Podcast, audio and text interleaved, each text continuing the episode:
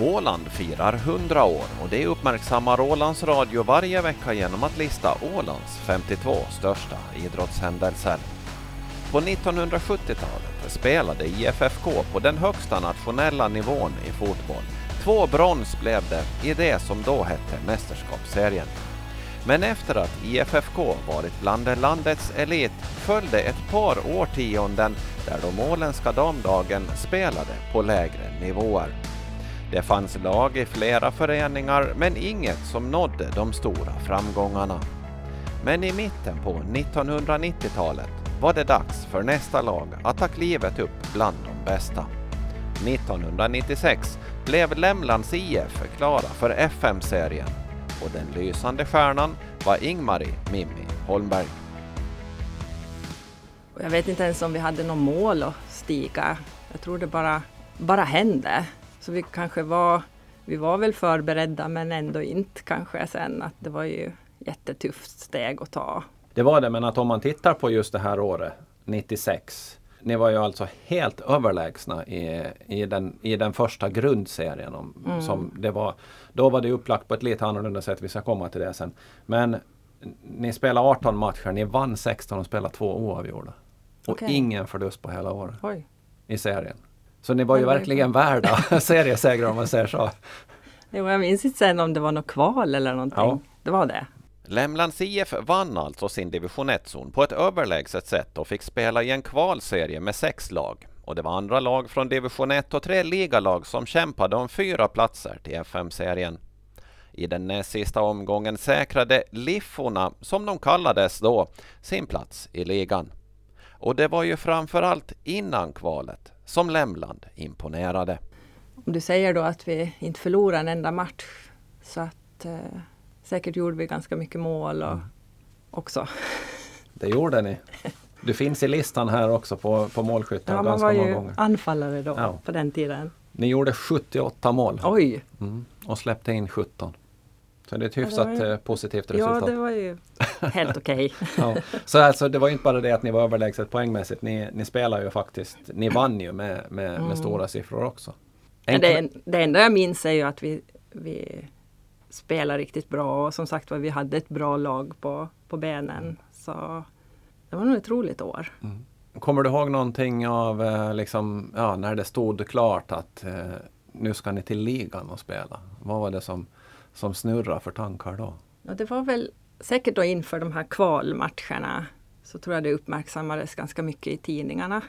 Så de gjorde reportage och jag minns några bilder. Det är ju sen höst så att man full munderad och vi, vi, de kommer och hälsar på oss på någon träning och gör någon reportage. Det minns jag. Och frågar då hur det går men jag vet inte om vi riktigt förstår vad vi ska göra. Ja att det var väl en, en rolig grej och visst, vi trodde väl på oss själva men ja, jag minns inte riktigt. Ja. Men just den här liksom, just den, bara den tanken att ja, men nu ska vi upp och spela på absolut högsta nivå. Den mm. kanske var lite svårfångad. Ja, jag tror det. Mm. För att ingen av oss hade ju någon erfarenhet av det. Och, och Fast jag var väl en av de äldre i laget redan då men eh, jag minns inte heller riktigt när Finströms damer var uppe i ligan. Att det var ju så pass tidigt. Eller då var jag ung också så att eh, man hade väl inte riktigt några tankar Nej. på det. Man och sen ska vi också komma ihåg då att eh, damfotbollen i mitten på 90-talet fick inte alls lika mycket uppmärksamhet, var inte alls så omtalad och så stor som, som den är idag. Så att ni, ni levde ju verkligen mm. i skymundan. Absolut. Jag kommer ihåg att det blossades upp alltid till de här derbymatcherna. Men resterande matcher så var det kanske en liten notis i tidningen vem som hade gjort mål och hur matchen hade gått. Så det har ju, kommit, det har ju blivit mycket, mycket bättre. Det som vi också ska komma ihåg, som ni ju faktiskt hade en väldigt, väldigt stor fördel av, åtminstone på hemmamatcherna, det var ju er lilla plan på Valbo. Jo, lilla Valbo. Lilla Valbo, det var ju nästan, ja det var väl mindre än minimimått men mm. ni fick ju faktiskt spela på den. Vi fick godkänt ja. ja. Och det var ju någonting som ni kunde dra fördel av för att jag vill minnas att jag var och kollade på er någonting och, och det var ju Peter Åkerholm som, var, mm. som var tränare under den här tiden. att Ni spelar ju hälften av matcherna på den där planen och då mm. behövde ni ju anpassa spelet efter att verkligen vara bra på er egen hemmaplan, eller hur? Absolut. Jo, det var ju helt klart fördel för oss att ha en sån här liten plan. Vi var ju som sagt var vana med den, hade spelat där flera år. Men jag kommer ihåg nog att motståndarna inte riktigt tyckte om ja. den här planen. Att den var ju liten. Och kanske, nu är den ju borta. Sorgligt nog, men om man skulle gå dit idag kanske man, herregud vad liten den är. Att vi ändå spelar ligafotboll på den. Så helt otroligt. Ja, och, att, och att idag skulle det heller aldrig godkännas att man ska ha en så liten plan. Det var, men eh, det var verkligen sådär att ut, mm. utan problem så sparkar målvakten från det ena straffområdet jo, jo. till det andra straffområdet. Jag kommer uh. faktiskt ihåg någon derbymatch när Annika Sjölund gjorde ett mål från avspark direkt. så att hade du en bra kick så mm. kunde du göra mål från halva plan. Sen året i, i ligan då, 97. Det var ett tufft år. Det var jättetufft. Men också såklart roliga matcher. Man lärde sig mycket. Vet, eller förstod då vad som egentligen krävs att vara där uppe. Och speciellt ändå tyckte jag att vi höll någorlunda jämna steg med kanske de fyra, fem sista lagen. Nu plockade vi väl lite poäng ändå. Då vann vi väl någon match. Någon match vann ni, det gjorde ni. Eh, I grundserien eh, så blev ni nia. Av, hur många lag? Av tio lag. Oj. Ni fick mm. eh, sju poäng. Till 1997 hade man gjort om upplägget så att det såg ut så som det gör idag med en övre och nedre slutspelserie. Där blev det inte några fler poäng för Lämnans IF och degraderingen var ett faktum. Mimmi Holmbergs karriär fortsatte länge efter Lämlands ligasejour. Hon var fortfarande med när nybildade Åland United steg till ligan nästan tio år senare. Men det ska vi höra om vid ett annat tillfälle. Vi stannar kvar hos Mimmi Holmberg. Hon har även en landslagskarriär. 21 landskamper blev det. Där var det ju faktiskt ett OBD-lag. Vi mötte MPS, finska mästarinnorna på, på Vikingavallen.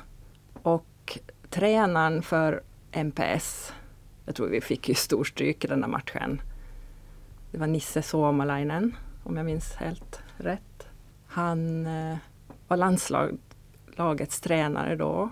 Så han tyckte, eller fick upp ögonen för mig och ville kalla mig på landslagssamling. Så att det var, det var första gången. Mm. Och det här var ju då när ni i Lämland spelade i division 1? Ja. Så jag var en division 1-spelare mm. som han. Men det var ju ändå mm. liksom på den, eller om man ser det ur den synvinkeln då. Du var division 1-spelare men du blev kallad till landslaget. Uppenbarligen så skötte du dig ganska bra eftersom du fick ju komma tillbaks flera gånger också. Mm. Ja, tydligen så såg de någonting i, i mig att jag passade in. Det kanske var mycket hade att göra med min snabbhet på den tiden. Eh, målfarlig. Så att eh, nej, det var, det var intressant att vara med där. Och, där hann jag ju vara med lite. Eh, första landskamperna jag gjorde så var det lite äldre spelare, sen försvann de, så kom det en liten ny generation. Så jag fick vara med på lite två olika sorters sätt att spela i finska landslaget. Men som sagt, det blev några landskamper. Mm. 21? 21, yes. Och fyra mål? Ja. Kommer du ihåg några landslagsmål? Jo, mitt första landslagsmål var på en sån här träningsturnering som vi var på Cypern. Och det var faktiskt mot Sverige. Och vår målvakt gjorde en jättelång utspark. Och det var just mot, undrar om Pia Sundhage spelade då i Sverige. Och Elisabeth Leidinge och det, den generationen. Så kom jag ihåg att jag, äh, jag satsar på att springa.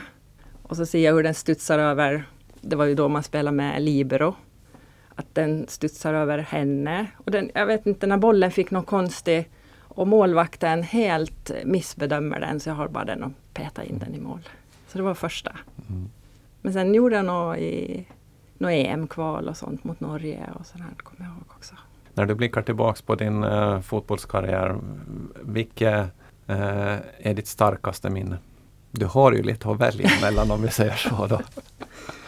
Ja, det är svårt no, inte kommer man ju bort ifrån de här just när man har tagit ett lag upp till en högre division. Så både med, med Lämland då som var eh, och senast nu då med Åland United som vi ändå presterat bra första åren, eller så länge jag var med också. Nu, ja, man kan ju bara blicka tillbaks hur det har gått.